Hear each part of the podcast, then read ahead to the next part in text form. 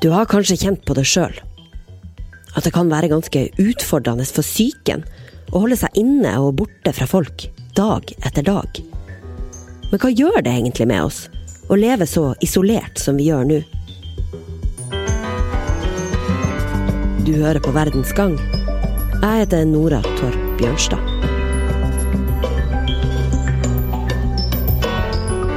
At eh, du, hvis du er syk, smitter færre. Og det er derfor vi må ha denne ja, sosiale nærheten, men fysiske avstanden, som jeg tror er viktig å ha. Statsminister Erna Solberg sier at den nye måten å vise omsorg på, er å holde avstand. Det kan kjennes både ensomt og kjedelig ut. I tråd med rådene fra myndighetene, så lever mange av oss rare liv, innelukka i hvert vårt hus, enten i karantene eller i sjølpålagt isolasjon. De fleste av oss går ikke ut på jobb, og fritidsaktiviteter der du treffer andre, er det bare å glemme.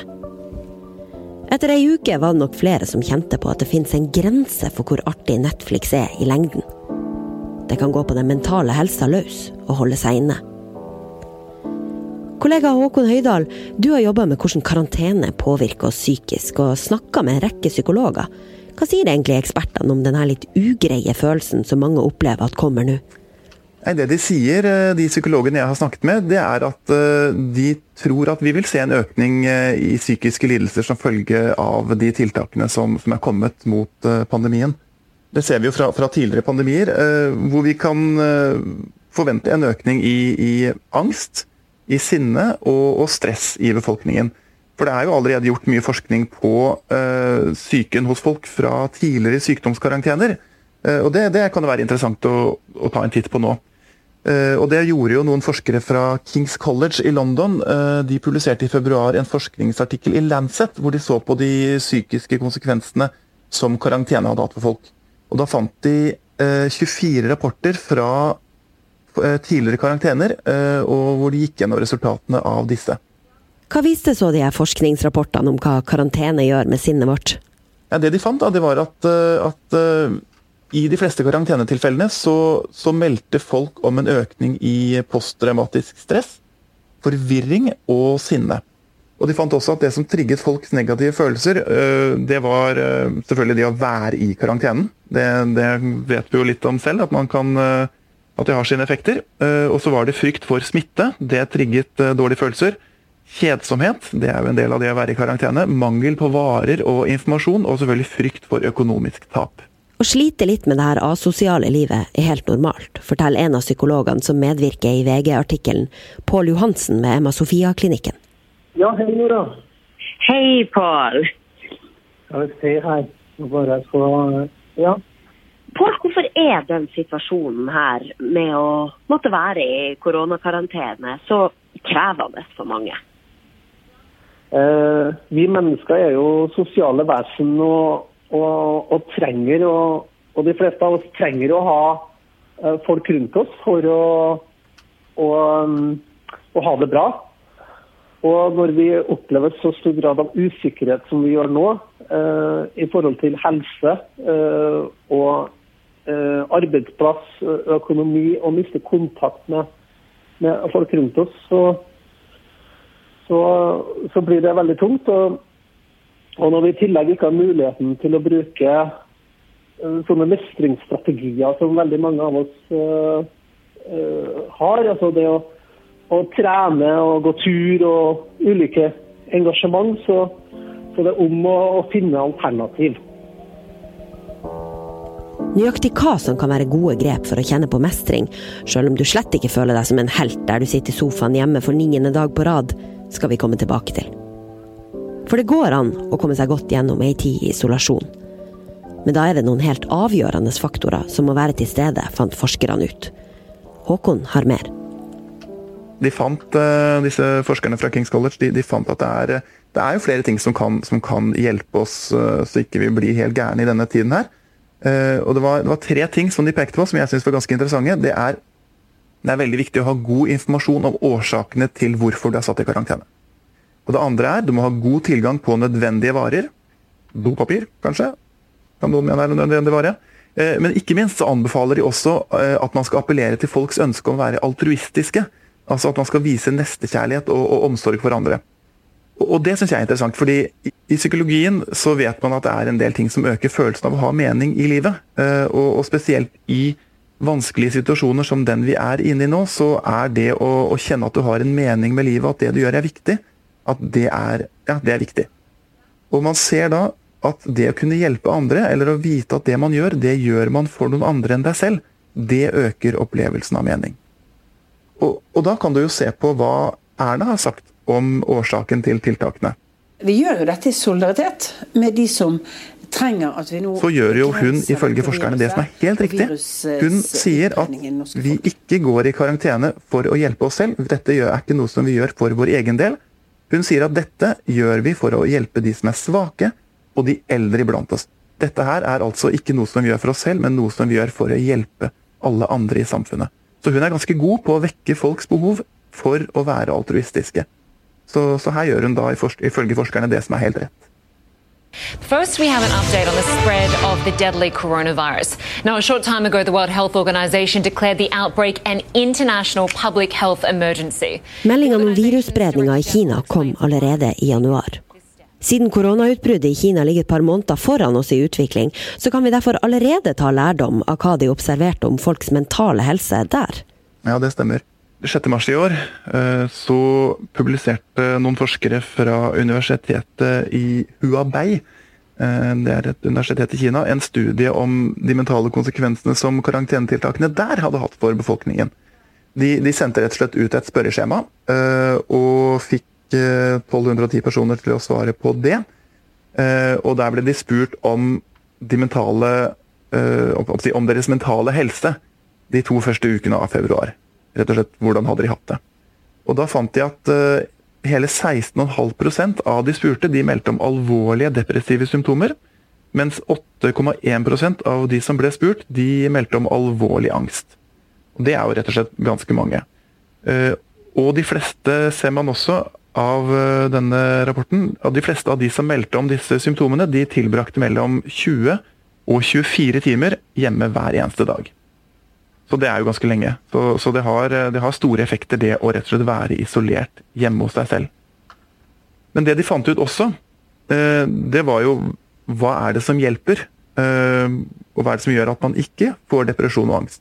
Og de fant ut at de som meldte om minst depresjon og angst, var de som hadde god informasjon om epidemien, og de hadde god kunnskap om hvilke tiltak som faktisk fungerer. Sånn at, det å, at kunnskap, rett og slett det å vite hva som skjer og hva du kan gjøre, det er viktig for vår mentale helse.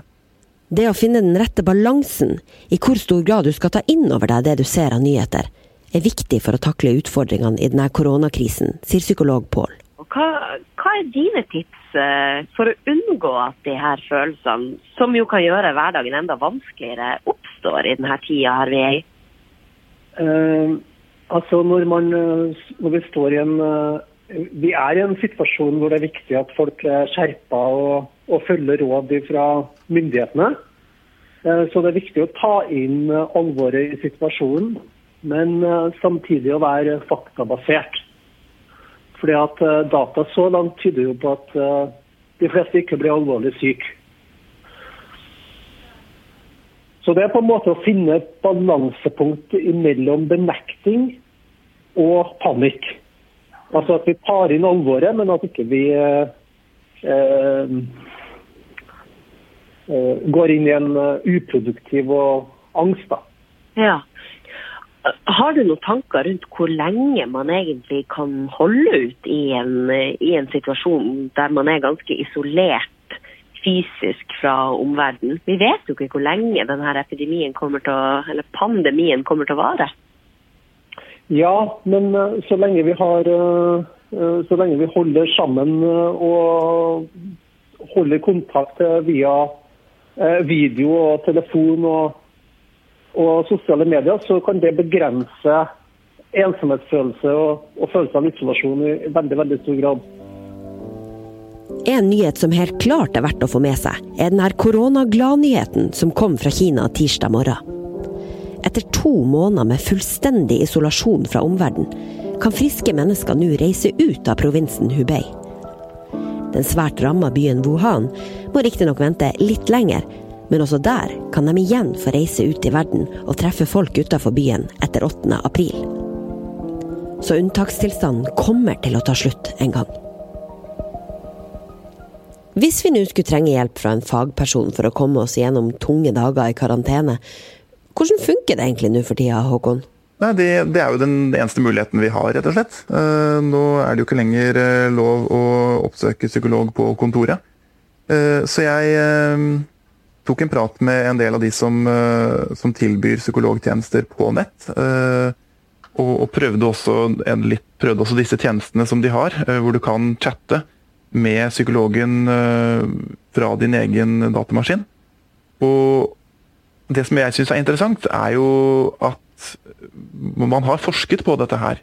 Om hvilken effekt det å bruke video, altså bruke chat, uh, om, om, det er, har en god effekt. Og da fant man jo faktisk at det å, å Altså at online terapi har like god effekt som det å være ansikt til ansikt med psykologen på kontoret. Uh, det gjelder da kognitiv terapi, da. Uh, så det kan hende at det er at det ikke gjelder alle typer terapi, men i hvert fall i en del, i en del typer terapier så har det like god effekt. Og det syns jeg er interessant. For mange av dem som allerede før koronaen sleit med tunge tanker, er det ekstra tøffe dager nå, forteller psykolog Pål. Han har over lengre tid drevet med videokonsultasjon. Tidligere gjaldt det rundt en femtedel av pasientene, men nå foregår samtlige konsultasjoner over nettet. Eh, for de fleste så er det et fullgodt eh, tilbud. Eh, og, og er like effektivt som å møtes på kontoret. Håkon, hva er psykologenes viktigste råd for å bedre den mentale helsa vår i denne spesielle tida? Ja, nei, det, er jo, det, er jo, en del du kan gjøre selv. Og det som de psykologene jeg snakket med, uh, sa uh, Pål Ørjan Johansen han hadde noen tydelige råd for, for, hva man kan gjøre. Han mente at det er viktig å finne et par nyhetskilder som du stoler på, og at du deretter ikke sitter og klikker 'oppdater' døgnet rundt. Finn et par nyhetskilder som du stoler på, og besøk dem et par ganger om dagen. Det er det ene. Eh, og Så mener han også at det er viktig at du, at du har gode rutiner. At du etablerer rutiner. Spis frokost, spis lunsj, puss tenna på å si når du gjør det til vanlig. Ha, ha rutinene i orden. Det er det ene. Det er det andre, mener jeg. Eh, nummer tre, du må ha egenomsorg med deg selv. Altså vær fysisk aktiv, ha riktig søvnrytme, spis bra. Og så er det viktig at du snakker med andre mennesker, og der er også rett og slett på samme, samme måte som du kan oppsøke psykologen uh, over internett og snakke med dem ansikt til ansikt, så kan du gjøre det samme med vennene dine. En telefonsamtale er bra, men kanskje er det enda bedre å se dem ansikt til ansikt. Uh, over video. Og så opp, uh, mener han også at det er viktig å unngå å drikke alkohol. Eh, rus det hjelper ikke i en situasjon som dette her. En øl kan være bra, men eh, kan være greit, selvfølgelig, men, men, eh, men alkohol som stressmestring det gjør bare vondt verre. Og så Det siste rådet hans det er rett og slett at man må, må koble av. Finn på ting som er, som er, spennende og som du liker. Hør på musikk. Lek. Slapp av med en bok. Sånne ting som det.